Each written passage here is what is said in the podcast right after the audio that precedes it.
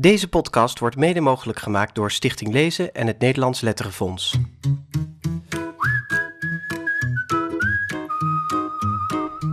Veel eerder dan we hadden aangekondigd is hier de achtste aflevering van de Grote Vriendelijke Podcast. Want op vrijdag 1 maart 2019 overleed in zijn woonplaats Amsterdam kinderboekenschrijver Peter van Gestel.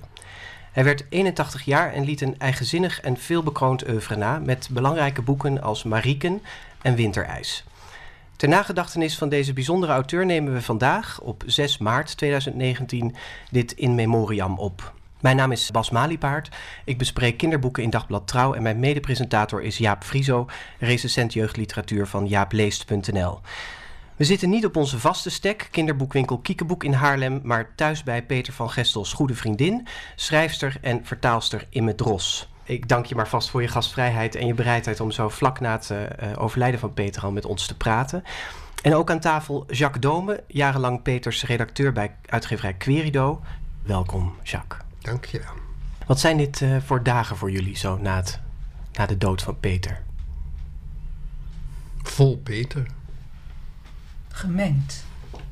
Aan de ene kant treurig en aan de andere kant opgelucht dat er een eind gekomen is aan een uh, lange lijdensweg. Ja. Dat vat het wel uh, mooi samen. Ja. En dat je nu opeens, terwijl Peter geen woord meer kan uitbrengen, terugdenkt aan de tijd dat hij eindeloos kon praten aan de telefoon. Van alles kon vertellen. Zo is hij nu terug. En zijn boeken. En dat hebben we allemaal gedaan natuurlijk. Dat je meteen weer een, een, boek oppakt. Toen ik opgebeld werd van het loopt af met Peter... ben ik meteen naar de boekenkast gegaan. Ben Winterijs gaan lezen. En dan is hij er helemaal weer. En dat is zo fantastisch. Ja, dat is geweldig. Hè? Ja, dat is het wonder van, natuurlijk van, van boeken en van het schrijven. Iemand blijft bestaan. Ja. Ja. ja. ja. En vo voordat we uitgebreid over Peter en zijn boeken gaan praten... wat we, wat we gaan doen hier... Uh, ik denk ik goed om voor de luisteraars nog even Peter te introduceren. Want niet iedereen kent hem misschien even, even goed. Uh, Peter van Gestel was uh, sinds de jaren 80 van de vorige eeuw... een van Nederlands belangrijkste kinderboekenschrijvers. En dat terwijl hij eigenlijk helemaal geen schrijver wilde worden. Hij ging naar de toneelschool... Maar daar werd hij twee jaar later, te, twee jaar later weggestuurd, naar eigen zeggen, omdat hij geen bijzonder acteertalent had. In de jaren 70 trad hij in dienst bij Omroep NCV als dramaturg. En schreef hij meerdere hoorspelen en televisieseries, zoals Het Wassende Water. En zijn eerste boek kwam in 1962 uit. Er was een verhaalbundel voor volwassenen. Maar vanaf eind jaren 70 begon hij echt voor kinderen te schrijven. Uh, vooral voor de Blauwgeruite Kiel uh, van Vrij Nederland. Hè, op uitnodiging van Karel Eijkman. Hij was niet de eerste. Hij was niet de eerste. Daar nee. gedebuteerd Nee, daar zijn veel schrijvers, uh, kinderboekenschrijvers begonnen. Nou ja, daar heeft ook Peter zijn, zijn unieke vertelstem ontwikkeld. En toen kwam ook al kort daarna de, zijn, zijn eerste kinderboek uit. En hij kreeg de eerste zilveren griffel voor Uit het leven van Co Kruijer. Uh, over een puber met een heel eigen humoristische blik op de wereld. En daarna kwamen er nou ja, nog een heel, heel veel kinderboeken van hem uit. Het overzicht kunnen jullie op onze website uh, vinden. En heel veel prijzen ook. Hè? Heel Want veel dat prijzen, is wel heel ja. opvallend als je dat lijstje bekijkt. Dat er zoveel bekroond is van zijn In vergelijking, hè, dat zijn niet eens zo heel veel boeken Precies. in een lang leven. Maar het zijn wel veel prijzen en grote prijzen, belangrijke prijzen. Ja. Vooral voor Marieken en, en voor Winterijs. Ja. Dat zijn eigenlijk de boeken waar hij De heel twee erg... grote boeken. Ja, en uiteindelijk kreeg hij ook de, de Theo Thijssen prijs voor zijn hele oeuvre. En we hebben het nog niet zo lang geleden nog in onze podcast ook over Winterijs gehad. Omdat uh, heel lang was het een unicum dat dat boek drie grote prijzen had gekregen. Tot aan het schaap met lampje dat record verbrak afgelopen jaar.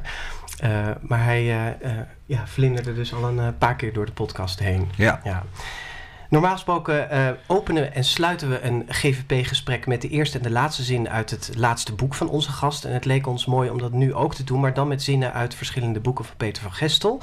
Als openingszin hebben we gekozen voor het boek dat hij zelf als zijn beste beschouwt, en dat is Marieken. Ja, wil jij die eerste zin voorlezen? Lang geleden, toen de mensen zich niet vaak wasten, leefde er in een ommuurde stad een oude zonderling. Dat is Ja. de eerste zin. Die Archibald heet. Ja. Archibald, hè? Ja, ja. En die wel zijn voeten waste. ja. ja. En je moest geitenmelk zijn pap drinken of Ja. eten, geloof ik, hè? Ja, en- en- en en een boek boek. lezen. Dat En een is, boek. ja. Nou, de mensheid is een klucht. ja, de mensheid is een klucht. Uh, nou, we gaan straks vast nog meer over Marieken hebben. Zoals gezegd praten we dus met uh, schrijfster Dros en voormalig redacteur Jacques Dome. Zouden jullie uh, om te beginnen allebei een, een dierbare herinnering aan Peter met ons willen delen... om hem een beetje als mens te karakteriseren?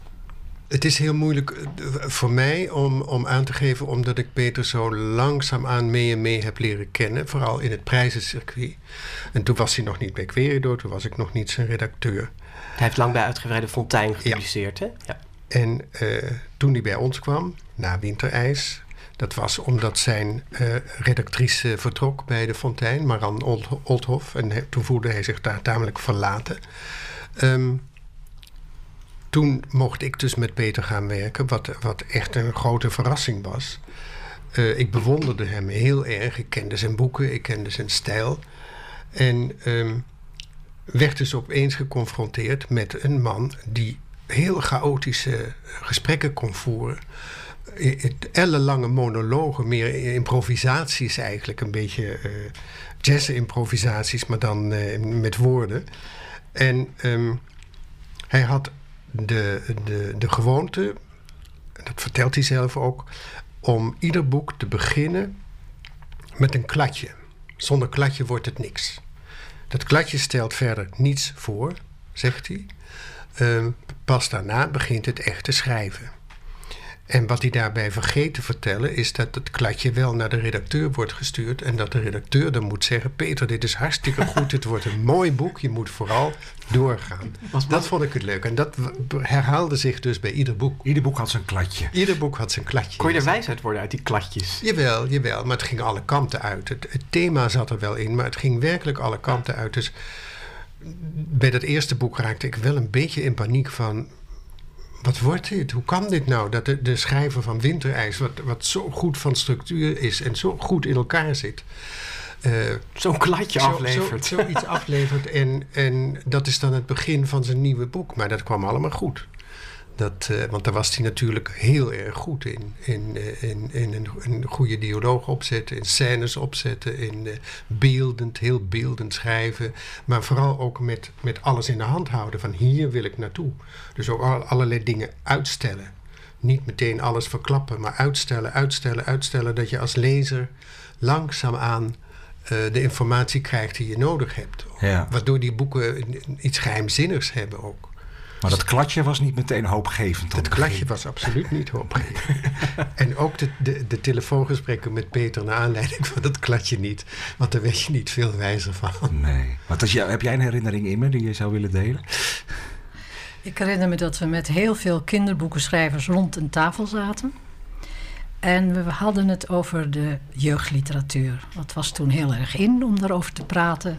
Want uh, men vond over het algemeen dus kinderboeken stonden helemaal onderaan de ladder. Volwassenen die hadden de kindertijd achter zich gelaten en keken daar op neer.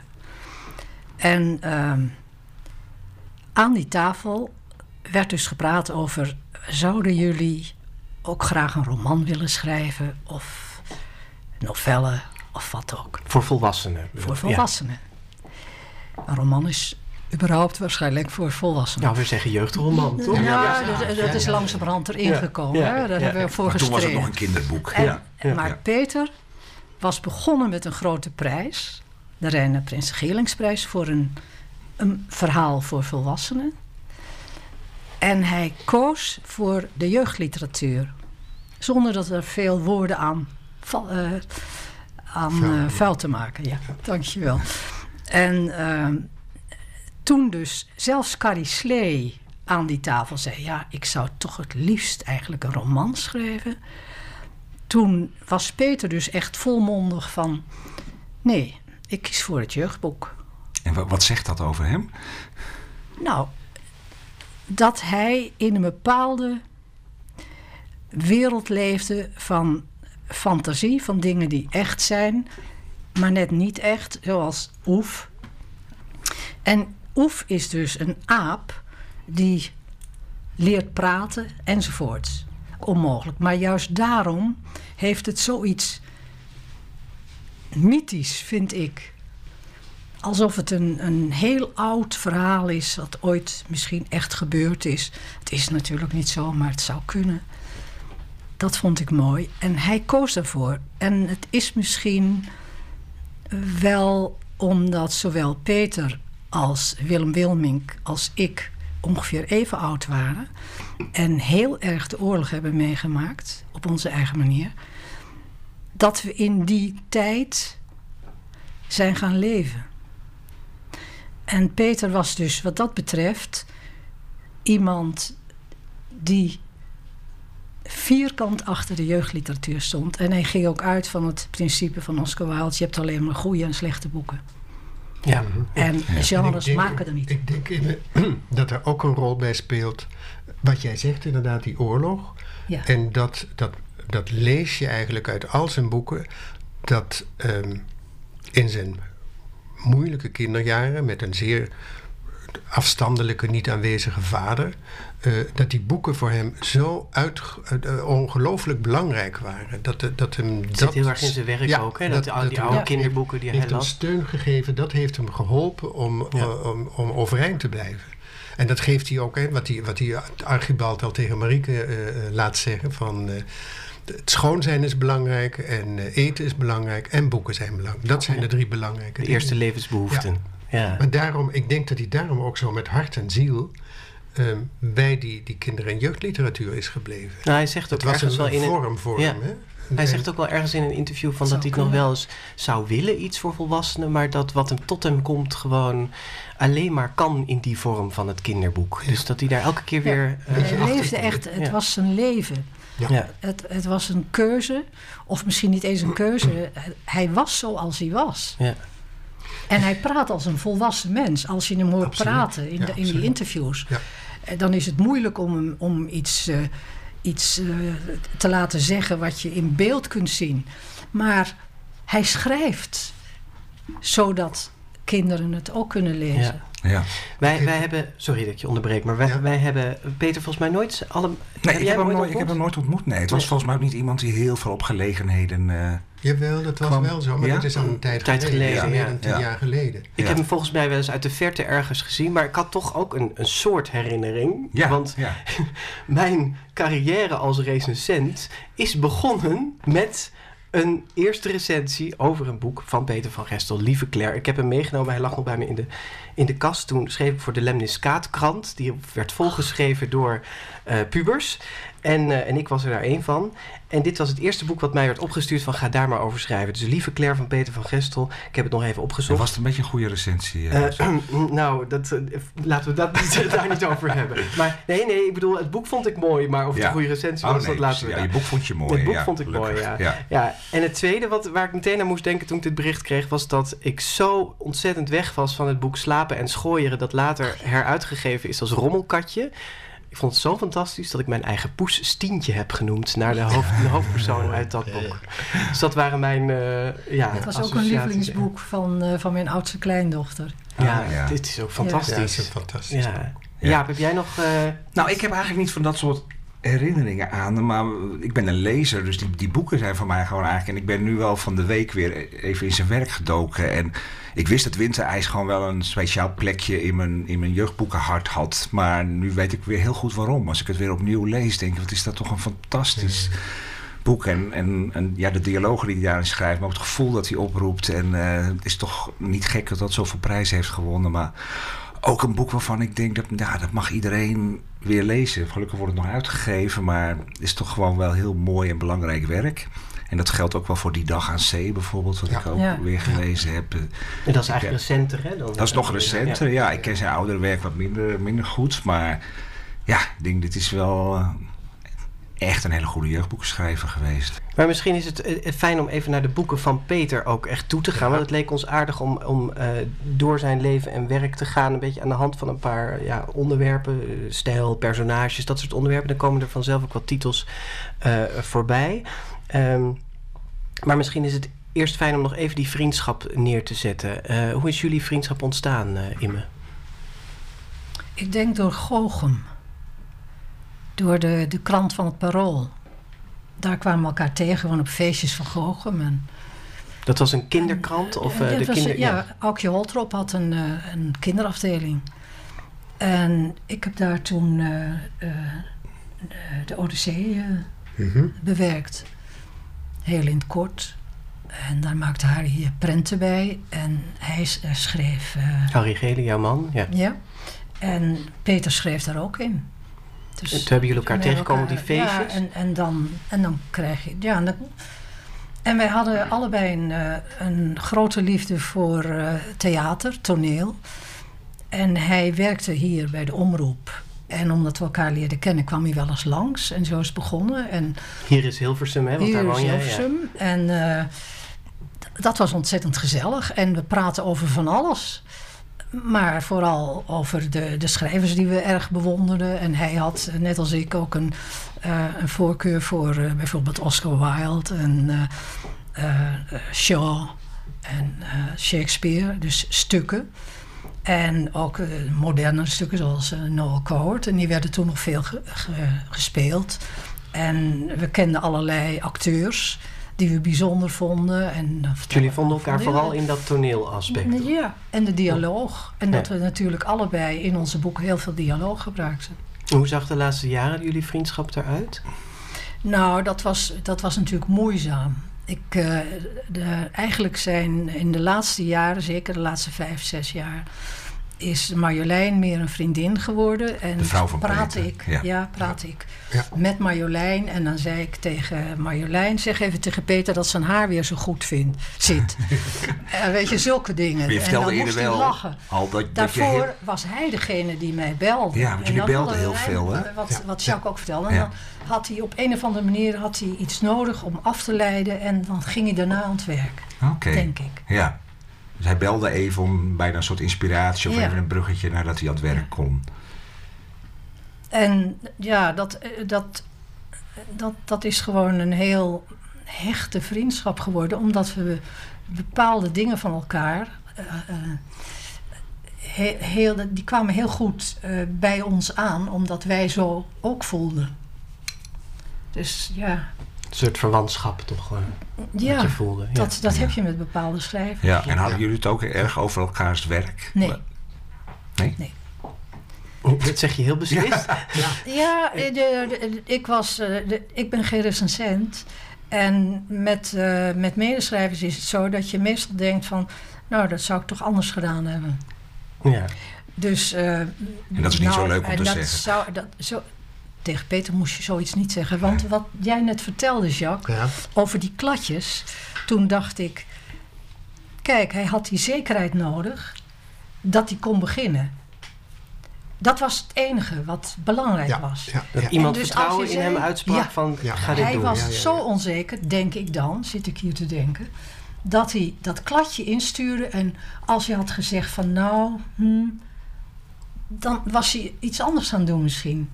Hij had een zekerheid Ja. nodig en als hij eenmaal bezig was, dan bracht niemand hem van zijn stuk. Ja, want hoe, hoe ging dat schrijverschap, als we daar het eens even verder over hebben? Je, het begint dus met zo'n kladje. En, en wat voor schrijver was hij verder? Schreef hij gemakkelijk? Deed hij er lang over? Was hij heel precies of juist... Nee, wat- als die, als die één keer bezig was, dan ging dat wel goed. Dan ging zo'n manuscript ging nog een paar keer heen en weer wel. Maar ehm, Peter was wat dat betreft zo- zo'n professional... dat hij aan een half woord genoeg had. En ehm, eigenlijk leverde hij eh, bijna persklare manuscripten in... waar weinig aan eh Ja, hoefde te gebeuren. doen als redacteur. Hij, hij was echt eh, heel erg precies en eh, tot op de punt alles en zo. Dus ehm, ik weet niet of hij moeilijk schreef. Dat weet jij misschien beter dan ik. Nee, maar ik weet dus wel dat eh Marjolein al zijn boeken met hem doornam. Oké, ja. Zijn vrouw en dat zij ja. dus heel belangrijk is geweest. Dat ze eigenlijk, eh, voordat eh, het bij jou kwam, al helemaal met Peter een boek doorgewerkt had. Zijn al nog een redacteur eigenlijk. Ja, kijk, en dat weet ik niet. Mevrouw Tolstoy. Dat wist ik, dat wist ik dus ja. Ja. Eh, Imme, van jouw eh, man Harry Gele kregen we een, een ruwe versie van een lang interview dat hij Ja. ooit eh, met Peter hield. Ik weet niet precies In de hoe jaren lang het- 90 In de jaren. 90. Voor een korte film over schrijven. Ja. En eh, we knipten daar een paar interessante quotes uit over zijn opvattingen. Laten we naar de eerste luisteren, want die sluiten hier eigenlijk wel op, op aan. Van hoe moeilijk is het eigenlijk om een kinderboek te schrijven? Een kinderboek is, eh, is, is, is, is even belangrijk als een boek voor volwassenen als het, als het goed is. En even eh, vervelend als, het, als een slecht boek voor volwassenen als het slecht is. De vorm is ongelooflijk moeilijk. Hij is moeilijk omdat gewoon uit de praktijk blijkt, als je gaat zitten, dat je er lang over doet. Want eh, dat is het een beetje. En dat je voortdurend, voortdurend aan moet prutsen. En, eh, en dat het geen enkel verschil maakt als je met een eh, volwassen boek bezig bent. Integendeel, eh dat gaat soms gemakkelijker. Ja. Het gekke is dat je gemakkelijker een boek schrijft voor ehm, jongeren, dus voor eh 15 plus, dan een boek voor kleine kinderen. ja, dat hoor ik vaker. Hoe minder woorden, hoe moeilijker. Ja? En waar, eh, dat ligt dus echt puur in die beperking. Of, of waar, waar zit, ligt dat Het is aan? altijd de beperking. Als je dus weinig, weinig taal hebt en je moet iets uitdrukken wat eigenlijk toch belangrijk is, dan, dan, eh, dan weegt elk woord. En daar zit dat gepruts in waar Peter het dus over heeft. hè? Ik, Dat, ik denk het, dat hij het heel precies... Je ziet ook aan die beginzinnen... Hè, hoe, hoe ge- knap die in elkaar zitten. Hè? Ja. Eh, er is een, een zin, ik denk... ehm, eh, die dag aan zee, hè, van... eh, of, of is het nou die, het laatste boek? De- de- de- Toen het overal oorlog was. Ja, Oh ja, dat, ja, Dat is het laatste boek, hè? Ja, dat is het laatste boek. Ja, ja. ik heb hem hier. En dat woord overal, dat overal, dat vind ik zo... d- Dat, is dan, dat doet het dan. Ja, ik was zes toen het overal oorlog was. Dat is de eerste Ja. zin van al het Ja. heerlijke Ja. verdriet. Dat is, toch, dat is toch een vreselijk mooie zin. Ja. En dat zit hem al in één Ja. woord Ja, eigenlijk. en je hebt dan meteen een Nou, van de belangrijke dat thema's in zijn werk. Ja, de Ja. oorlog. Nou, laten we daar dan heen gaan naar de thema's. Je, je verzorgt voor een mooi bruggetje.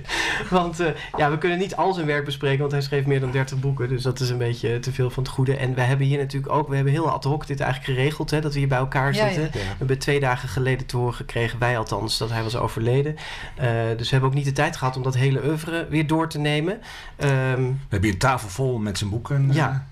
Eh, maar, maar Jacques, kun jij het aanvullen? Waar schreef hij? De, dus de oorlog was een belangrijk thema in zijn werk. De oorlog en eh, de moeilijkheid eh, eh, om met anderen te communiceren, om, om contact te krijgen met anderen. Dat Ja. speelt in al die boeken zo'n grote rol. Ja. Ehm, Het onvermogen om te communiceren eigenlijk. je ziet dat, eh, zoals Peter dat zelf ook heel goed kon, dat, dat merk je in het interview met, met Harry, dat hij eh, steeds maar weigert om direct antwoord te Ja, jij geven. hebt de ruwe versie gehoord, hè, Ja. die heel lang is. Ja. En eh, in zijn boeken eh, gaat het heel vaak over vriendschap. Eh, mensen die elkaar zoeken, die een broertje of een zusje zoeken of zo. En ehm, eh, de, die dialogen bestaan voor een groot deel uit het langs elkaar heen praten of dingen niet zeggen. En dat is voor, voor mijn gevoel een van de, van de redenen waarom winterijs zo eh, emotionerend is. Daar lukt het uiteindelijk wel dat de twee jongetjes waar het over gaat eh, eh, hun mond open doen tegenover elkaar. Waar ze mee zitten. En dan kom je bij het derde thema, volgens mij, het, het grote verdriet. Heel vaak zijn er problemen met ouders. Ouders zijn heel belangrijk. Wat, de de, de ouder-kindverhouding. Ja. Of de ouders zijn dood, Of weg. vermoord, Ja. weg. Of zijn er wel, maar eh, erg eh, eh, afwezig. Zoals de vader in die dag aan zee. Of de, de, de vader van Thomas in Winterijs, die altijd met zijn werk bezig is. Een schrijver die altijd, ja, die eigenlijk ook vooral in zijn eigen verhalen is geïnteresseerd. Dat zijn voor mij de thema's. Dus de oorlog en de moeilijkheid van communiceren. En dan het, het alleen zijn, het, het, het, hè, de kinderen die, die zich alleen een weg moeten vinden in de wereld, zoals Marieke dat in feite Ja. heel sterk doet. Maar als je het zo achter elkaar zet, dan lijkt het, alsof, lijkt het bijna alsof het hele treurige boeken zijn. Maar wat er ook wel heel erg in zit, is de humor natuurlijk. En wat ik ook Maar- een themaatje vind wel, is de verliefdheid. Want die is eigenlijk in elk boek Ja, is er wel Absoluut. Ja, iemand verliefd op iemand anders. maar Ja. dat is een En- grote emotie. natuurlijk. Ja, nee, zeker, Ja, zeker, ja, ja, zeker. Maar kun je ook zeggen dat deze drie thema's, of vier thema's, dan heel dicht bij zijn eigen leven en zijn manier van het ik leven staan Ik pasten? vind ook wel een, een thema dat hij, en dat heeft hij eh, in twee boeken genoemd, in eh Oef en ook in Boze Soep. Eh, Oef heeft het erover dat hij nooit, dat hij in, in een soort jargon praat, wat hem is aangeleerd. Dat hij niet kan zeggen wat hij denkt. En Soe kan niet schrijven wat ze denkt. Dan zegt ze, ja, ik zou, dat zou ik wel willen, maar dat kan je nooit. Want je springt van de hak op de tak. Je zegt, je, je, je maakt geen zinnen. Je maakt, je maakt niks af als je denkt. Dus daar zit toch iets in eh, van taal, dat hij daar heel lang mee bezig was. En het, het, dat, dat wat, wat een verhaal is, dat dat gemaakt wordt in taal. Ja, dat is een, En, een- en dat een- daar ook de moeilijkheden in zitten. Ja, dat is die, de, de, die moeilijkheid van communiceren. En je hebt de woorden niet om iets te zeggen, of je durft de woorden niet uit te spreken die het echt zeggen. Ja. En wat dus in een roosje bijvoorbeeld, dat, dat eh, iemand dus Mhm. eh, gaat, in brabbeltaal gaat praten en, en niet verstaat wat anderen zeggen. Ja. Dat, eh, ehm, Ja, het is eigenlijk op, in elk boek komt het wel op een andere manier. Ja. Misschien Ja. net een andere Ja. manier komt Ja, het ja, aan, ja. aan de orde. Maar je zei ook typisch zo'n schrijver waarbij er heel veel eh, ni- niet, niet staat, zeg maar. Wat er tussen de regels door... Ja, Ja. hij Staat, hè? suggereert er zitten zwarte gaten tussen. Ja. Hij suggereert veel en Ja. dat, dat is. Maar ik, ik vergeet, merk ik nu, ja. volgens mij vergeet ik één thema en dat is Amsterdam. Ja, Ja, hij is, ja, ja. hij is Oh, ja. zo gek op zijn eigen Die stad. kleine dat hij- Felix ook, hè? Ja. Dan Ja, krijg ja, je dat ook, dat hij dan, Want hij is dat hij geboren dan zijn hand opsteekt Ja. naar, Ja. een, eh, naar een Ja. Amsterdamse bakker. En omdat het een Amsterdamse bakker is, Oh, ja. steekt hij Ja, ja. natuurlijk zijn hand niet op. En dan gaat hij, komt hij langs een paar meisjes en die gaan niet Niet opzij. En dan denkt hij helemaal vertederd, Amsterdamse grietjes. Ja, ja, ja. ja. Hij zegt ook in, in eh, Thomas, laat hij, laat hij zeggen in, in Winterijs, als hij dan in, in Apeldoorn zit met zijn Ja. vader, waar hij heel erg ongelukkig is, daar zegt hij: eh, Ik stonk naar Amsterdam. En als hij weer terug is, dan zegt hij: Hier stinkt alles naar Amsterdam. Ja. Ik ben weer thuis. Ja, mooi hè? Ja, dat is heel belangrijk. En de manier waarop hij ehm, zijn buurtje beschrijft in, in Winterijs, buurt van het Amstelveld, Frederiksplein, de en zo, dat is zo prachtig. Dat is zo, zo sterk. Ik heb daar zelf een jaar of tien gewoond. Maar de herinneringen van Peter en de beschrijvingen van Peter hebben mijn beelden. Overschreven. Ja. Oh, wat Ja. goed. Ja. Ja, het is, het is als je het zo hoort, Amsterdam, eh, eh, de oorlog, eh, nou wat hebben we nog allemaal meer genoemd. Het zijn ook allemaal thema's die heel erg in zijn eigen leven Het hebben verlies. gespeeld. Het verlies, ja. Ja, Want hij heeft een- onzekerheid vind ik ook. Hij heeft een broer verloren, hè? Ja. Ja, ja, ja. Oh ja, en, en, en daarvan moest ik van de familie, van, van de dochter van Peter zeggen... dat hij absoluut geen zelfmoord heeft gepleegd. Ah, want Die dat is een, een, een, Die- die suggestie die wel eens die gedaan is. is. gewoon aan de vliegende tering, heette dat, Ah, ja. overleden. Ja. Vlak na de oorlog. ja. En dat idee zou je kunnen En hebben. iets anders was... Door, door wat- die wat dag aan zee. Ja, op die dag aan Wat zee. hem ook Ja. heel erg hinderde was dat ze... eh, dat soms werd gezegd dat Marieken was gebaseerd op Marieke van Nimwegen. En dat is ook absoluut niet, Niet waar. waar. Hij heeft er met één oog schuin naar Ja. gekeken. Ja, Ja. hij heeft wel natuurlijk al die hoofdstukken beginnen met hoe ze dit en dat. Ja. Niet Ja. met hoe, maar in de Marieke begint alles met hoe. Ja, toch wel Hoe lastig de als je... graaf zijn dochter naar... Of zijn Het is een heel eigen, nicht zelfverzonnen verhaal. Ja, Maar, maar, ja. het is een Ja. heel ander verhaal. Ja, maar hij heeft zichzelf wel lastig gemaakt door het zo te doen. voor, hè? Ja. Ja. Maar eh, verder... Jij noemde Willem Wilmink al even daar straks. Ja. Eh, hij was ook bevriend met eh, Ja, Peter van ja. Gestel. En hij schreef ter gelegenheid van eh, Peters 60ste verjaardag het, eh, een, een gedicht. Daar is dit een, een strofe uit. In de man zit nog een jongen en die zal daar altijd blijven. En wie schrijver is geworden, zal daarover schrijven. Is dat wel een beetje de samenvatting van, eh, van hoe Peter ook schreef over het En- jongetje en dat hij hoe zelf die was. En hoe die was. Als Ja. je Peter tegenkwam eh, ik heb heel lang gedacht dat hij een leeftijdgenoot van mij was, terwijl hij tien jaar ouder was. Ja, ja. En hij zag er heel erg jong, jongensachtig uit. Het was echt absoluut een jongensachtige man. Ja, dat, dat heeft heel veel mensen om, om mij heen tegen wie ik heb gezegd van dat Peter van Gestel is overleden. Ze zeggen, huh? Was hij al Ja. zo oud dan? Dat is het Ja. eerste wat je te Ja. horen krijgt. Ja. Hij zag er ook echt niet uit alsof hij al eh, 81 was. Tenminste, de laatste keer dat, eh, dat ik hem heb gezien vanuit de verte. Ehm, we hebben eh, Peter ook nog even op band staan... waarin eh, hij praat over de heimwee... op basis waarvan kinderboekenschrijvers zouden schrijven. Het is ook denk ik dat je dat schrijvers die met kinderboeken bezig zijn, eh, eh, eh, van, dat, van die, die, die heimwee, van daaruit natuurlijk, hun inspiratie vormt.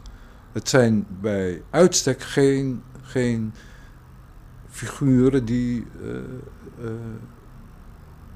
de realiteit of, de, of wat er in het echte leven gebeurt willen ontluisteren of willen duiden, zoals het genoemd wordt. Ik heb een hele mooie quote uit, eh, uit Winterreis.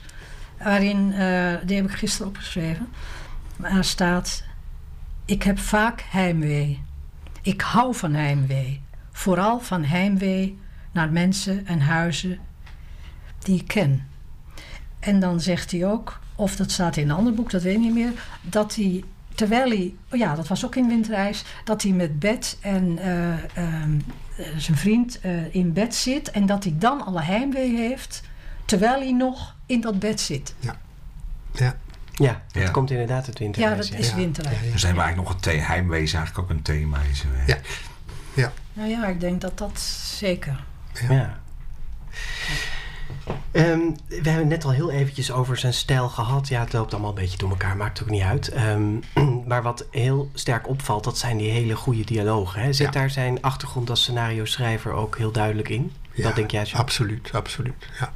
Daar heeft hij dat geleerd bij de NCRV? Of, eh, ja, daar heeft hij dat geleerd eh, door het te doen, heel veel te doen. En, En- door, en heel door veel naar die films te zien. ja, die en films heel te veel zien. theater. Ja. Want eh, eh, ik, ik hoorde ook in dat gesprek dat hij, ik geloof 11 of 12 was, toen zag je King Lear al. ja, geweldig. Ja. Dus je moet je voorstellen, ik ging dus heel vaak naar theater. is gewoon van heel jongs af aan gevoed. Met, Ja. eh, Ja. ja. Dus eh, dan, dan eh, krijg je daar eh, ook. eh, en het plezierige van dialoog is dat je snel tot de zaak komt. Oké. Ja. Ja, dat zeg jij, maar het, het, het moeilijke van dialoog is dat heel veel schrijvers het niet zo goed kunnen. ja. Nee, hij het is- kon het als eh, ben ik jou wel. eens. Nee, dat, Ja. Dat is, eh, dat is het, maar. eh, dat zegt hij zelf ook in het interview met Harry. Dat hij vindt dat heel veel schrijvers Ja. niet zo En waarom Ja, ja. kon hij het wel, Jacques? Wat, wat maakt zijn Nou, ik dialogen? denk, ik denk door die enorme ervaring die hij Ja. had. Maar wat, wat is het in zijn dialogen wat daar goed aan is? De eigen stijl, eh, het korte en het, het, eh, dat het ter niet, zake is. Ja, en, en het niet uitleggerige. Want daar Ja, was hij zelf heel bang voor ook. Ja. Hè, dat een kinderboeken moeten niet uitleggerig zijn. Die moeten niet onderwijzend zijn of zo. Dat, eh, Het gaat ook heel erg volgens mij om niet zeggen wat er gezegd moet worden Ja. eigenlijk. Hè? Want dat Ja. is zo knap in de dialogen dat je in Ja. een verhaaltje zit te lezen waarvan je denkt, waar hebben ze het nou eigenlijk over? Ja. Maar dat moet je dus aanvoelen. Maar het is toch vreemd als je dus ergens langs wil en die meiden gaan niet uit de weg en dat je dan verteder denkt: Amsterdamse grietjes. ja, Kijk, dat zijn maar twee woorden. Ja, Ja. Ja. En dat hoort bij een dialoog. ja. en je begrijpt dat Ja. hij daar heel verguld mee is. ja, ja, Ja. Dat staat er niet. Ja, hij, is, zeker. het, hè, hij is weer thuis. Ja, en hij durfde echt dialogen te schrijven. Hè? Want het gaat soms pagina's Ja, door. ja, ja, bijna. ja, ja, Ja. ja, ja. En wat me ook wel opvalt, is dat hij van die ehm, ja, een beetje volkse eh, taal er soms in heeft zitten. Dat hij kom SF staat er dan. eh, ja, ja. ES schrijft hij dan. Of, eh, nou, ik weet niet of hij bakkie schrijft, maar dat soort eh, Ja, precies. dat woorden zitten erin.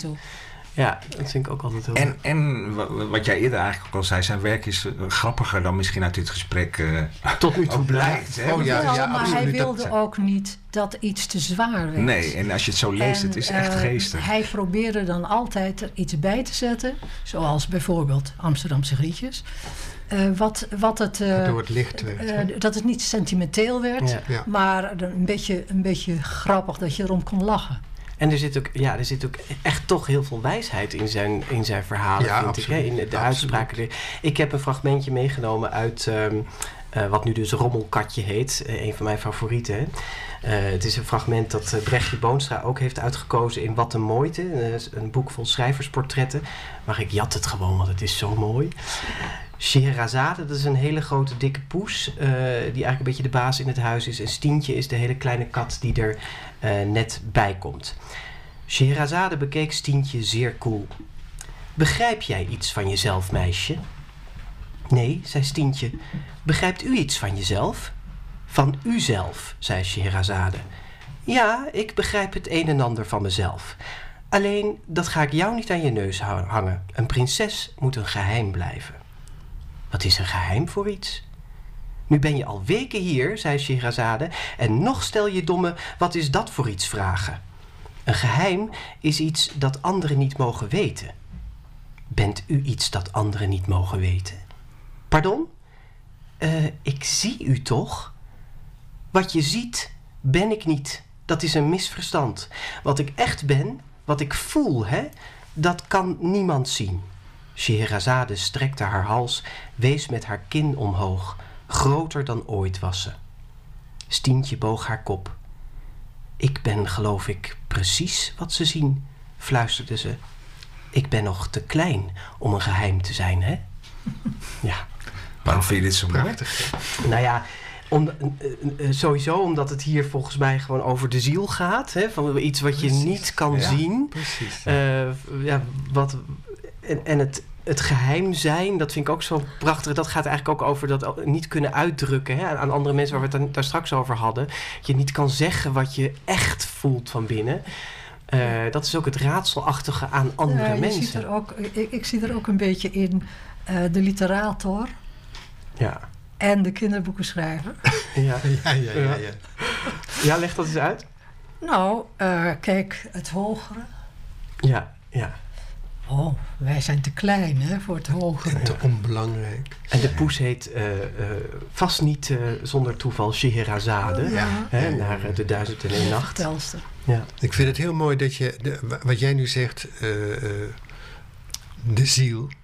Ik heb gezocht en gezocht om dat fragment heen, want ik was ervan overtuigd dat dat erin stond. Dat het over de ziel zou gaan. Dat het, ja, dat. Scheherazade zegt, dat is mijn ziel. Ehm, maar het stond nergens. dat, nee, ik, ik kon het tenminste niet vinden. En, uitgehaald. en ik, nou nee, want ik heb, ik heb allebei de versies bekeken. Het is er niet uitgehaald, dat dacht ik even. Ja, maar in een Maar oude.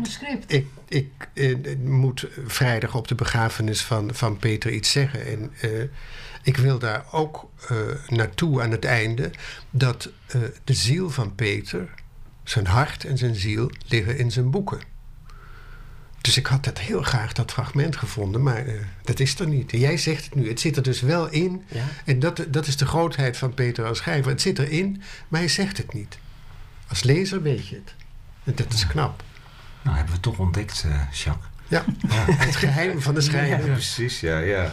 Hij eh, zegt ook iets, dat hebben we op band, of hij wel of niet rekening hield met kinderen tijdens het schrijven. Laten we daar even naar luisteren. Ik hou niet zo erg van rekening met, met kinderen. Eh, eh, dat zou kunnen dat die ongeduldiger zijn. En dat ze eh, niet voor al te vreemde raadsels gezet willen worden. Of het, het is raadselachtig, moet ze heel concreet verkocht worden.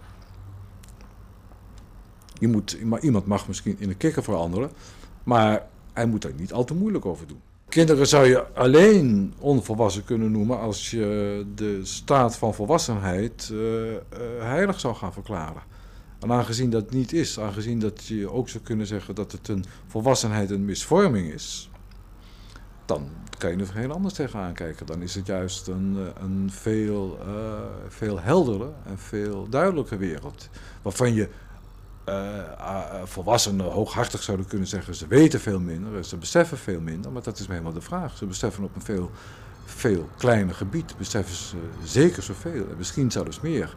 En wat volwassenen dan later denken dat ze, dat ze zoveel meer weten, is natuurlijk nog helemaal niks. Het verschil is zo gering dat het er niet toe doet. En dat het gaat om de intensiteit de, de, van, van, van wat, wat, eh, wat, wat iemand ondergaat en beleeft. En in dat punt zijn kinderen eh, eh, eigenlijk eh, leven ze in een veel rijkere, leukere wereld.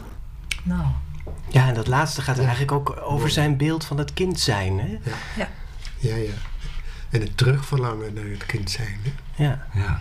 De volwassenheid als misvorming. Ja, We drijven steeds verder af van... eh, van wat we eigenlijk zouden moeten zijn. ja, Ja, hoor je dat er ook in, Jacques?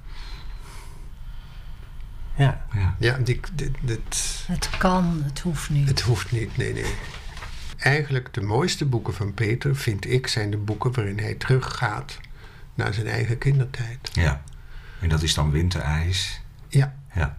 winterijs en Kleine en Kleine Felix. Felix. Ja. ja. En het, het grappige is ook, de winterijs is voor mij een beetje het boek van alle dingen van, eh, Guus Kuijer. ja, van, eh, eh, van Peter. ja. Dus, Kun je de heel Guus- kort vertellen waar winterijs over gaat? Winterijs gaat over eh, de winter van 1947 Ja. in Amsterdam. Twee kleine jongetjes van tien sluiten vriendschap. En ehm, een van de twee, eh, de, de hoofdpersoon is Thomas, echt zo'n Amsterdam schoffie. Eh, zijn moeder is dood, zijn vader is schrijver en trekt zich niet zo heel veel van hem aan. Hij zwalkt wat rond door de stad. En hij vindt eh, die andere jongen, die Zwaan, vindt hij wel intrigerend. Zwaan die woont in een groot leeg huis bij zijn tante. Thomas heeft geen idee waar zijn, zijn ouders zijn, wat zijn vader en moeder van Zwaan zijn. Begrijpt het allemaal niet. Ehm, eh, het nichtje van eh, Zwaan, dat is 13, die woont ook in dat huis, vertelt ook al zo weinig. En het duurt eigenlijk een heel boek lang voordat je in de gaten hebt dat eh, Zwaan een Joods jongetje is Ja. dat in de onderduik heeft overleefd. En dat zijn ouders zijn vermoord. En dat zijn oom ook is vermoord. En dat, ehm, dat geeft aanleiding tot van die prachtige dialogen waarin eh, Thomas vragen stelt en Zwaan daarnaast antwoordt. Je hebt een stuk uitgekozen. Hij heeft ge- wil geen antwoord geven. Ja, en ik heb, ik heb een stukje uitgekozen. Op een gegeven moment ehm, mag Thomas, dan zijn die twee jongens intussen heel erg bevriend, mag hij een tijdje komen logeren in dat grote lege huis. Dan mogen ze in het grote dubbele bed. En s s'avonds zitten ze dan vaak met elkaar te praten in dat bed. Onder andere over ehm, boeken, over kinderboeken waar ze allebei dol op zijn. En dan gebeurt het opeens. Dan wordt er opeens, slaat het om en dan vertelt Zwaan iets over wat er met zijn ouders is gebeurd. En er komt nog een naam voor in het, in het stukje die misschien even moet toelichten wie dat is. eh Bet. Dat is dat nichtje. Dat waar is het ik nichtje, hè? waar Ja. ik het over had. Ehm, mijn vader, zei Thomas, heeft mij nooit iets verteld. Hij weet niet hoe dat moet. Toen de oorlog voorbij was, zei Zwaan, toen werd er overal feest gevierd. De mensen van Deventer, waar die ondergedoken was geweest, dansten van plein naar plein, overal oranje en oranje en rood-wit-blauw. Ik werd er hoorndol van. Oom Piet en tante Sonja, zijn onderduikouders, bleven thuis. Ze zeiden dat ik me van het feest niets moest aantrekken en toen vroeg ik eindelijk: Maar komen ze weer thuis? En toen zeiden ze: We schrijven iedere dag naar het Rode Kruis. We weten niet waar ze zijn. Misschien komen ze thuis. Misschien. Geloof jij in misschien, Thomas? Weet ik veel. Misschien is niks. Ze kwamen niet thuis. Ze vertelden me, je oom Jacob is ook weggehaald. En je nichtje Bet komt hier morgen. Wees lief voor haar en vraag niet te veel, alsjeblieft. Was je Bet vergeten dan? Ik was Bet vergeten. Was het spannend toen je haar zag? Ik dacht, jezus dat is een saaie. Waarom moet nou net mijn nichtje zo saai zijn? Bet is niet saai, zei Thomas. Ja, dat weet ik. Juist de meisjes die je saai vindt zijn puik. Was ze toen al zo bozig? Heel bozig, ja. Ik vroeg haar honderd uit. Ze zei, ze hebben ze vermoord. Ze zijn dood. Je papa en mama en mijn papa. Ik dacht, zie je wel, je hebt niks aan misschien. Bet zei ook, je bent een Jood, Piem. Na deze oorlog ben je je hele leven een Jood. Ik ook. Weet je, Thomas, Bet is maar half Joods. Maar ze zei: Mijn vader zit nu helemaal in me voor altijd. En daarom ben ik een anderhalve Jood.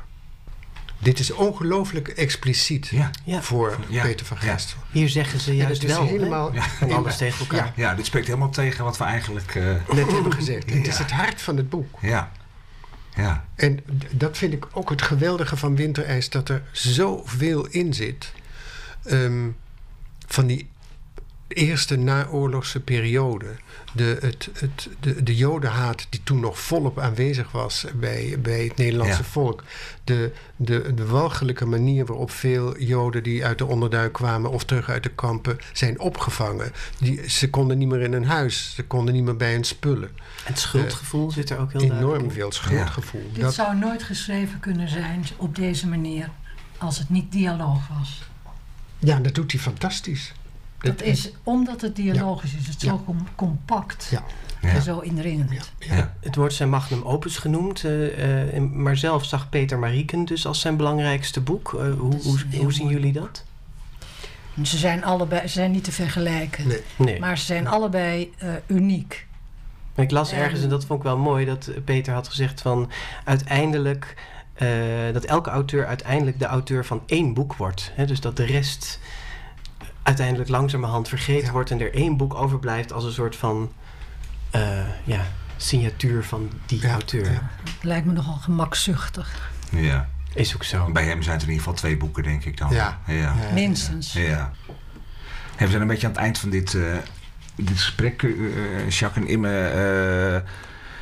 Nou ja, het is een verdrietige week omdat Peter overleden is. Maar we zeiden al aan het begin al, hè, van, gewoon, nou ja, zijn werk is er gelukkig nog. Is de, de- soms is het ook wel bij kinderboekenschrijvers dat werk ook wel snel weer eigenlijk verdwijnt. Hè? Gelukkig wordt zijn, worden zijn boeken wel nog herdrukt. Maar Dat geldt niet alleen voor kinderboeken. nee, dat is waar. Dat geldt voor heel Nee. veel schrijvers. Nee. Ja, maar hoe, hoe verwachten jullie dat dit gaat? Blijven deze boeken... Ik denk wel dat, dat je. Ik, ik vrees dat je niet al te optimistisch mag zijn hoor. Nee. Ik denk dat het toch eh, eh, druk van allerlei kanten eh, eh, nodig zal zijn om, om in ieder geval eh winterijzen en Marieke beschikbaar te houden.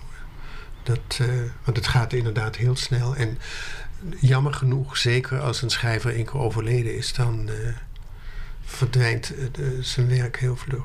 Ja. er zijn, zijn schrijvers genoeg te noemen die, die nog volop in leven zijn, maar die weer boeken helemaal dood zijn. Ook dat, ja. Dat is heel treurig, maar Ja. dat is zo. Ja. Nou ja, hopelijk hebben we met deze podcast en met, met deze in memoriam een, eh, recht gedaan aan zijn werk. In ieder geval een poging gedaan. Helemaal recht eraan doen kan natuurlijk niet in zo'n nee, zo'n nee, tijd. nee, maar maar toch iets over verteld in ieder geval. laat het een aanmoediging zijn om, eh, om zijn werk weer op te nemen en te gaan lezen. Want het zijn prachtige boeken. En eh, ja, wij hebben, jij hebt het niet voorgelezen. Nou ja, Nee, ik zat nog een mooi stukje uit die Ja, dag aan ja. Dat moet iedereen, iedereen zelf maar lezen. we, we slaan, je kunt wel eh, de laatste zin doen, Jaap. Want we Oh ja. slaan onze rubriek De Grote Vriendelijke Parel in deze bijzondere aflevering even over. Maar we verwijzen graag terug naar aflevering 4 van de GVP. Want daarin zet de schrijfster Wilma Geldof Winterijs van Peter van Gestel op onze boekenplank met parels. Dus als je wilt horen waarom zij dat daarvoor koos, dan moet je die aflevering even opzoeken. We sluiten af met een laatste zin. En dat kon er eigenlijk maar één zijn toen we alle boeken doornamen. Het is de laatste zin uit Peters boek Die dag aan zee en die klinkt zo. Van alles maken we tenslotte een mooi verhaal. Nou, Prachtiger eindzin kan er niet zijn. Hè? nou, heel bedankt dat jullie in deze week eh, over hem wilden praten. En Imme, bedankt voor je, voor je gastvrijheid ook en jullie openhartigheid. Geen dank. Oké, wij namen deze aflevering op 6 maart 2019 op bij Imme Drost dus thuis in Hilversum met technische ondersteuning van Mark Brouwer.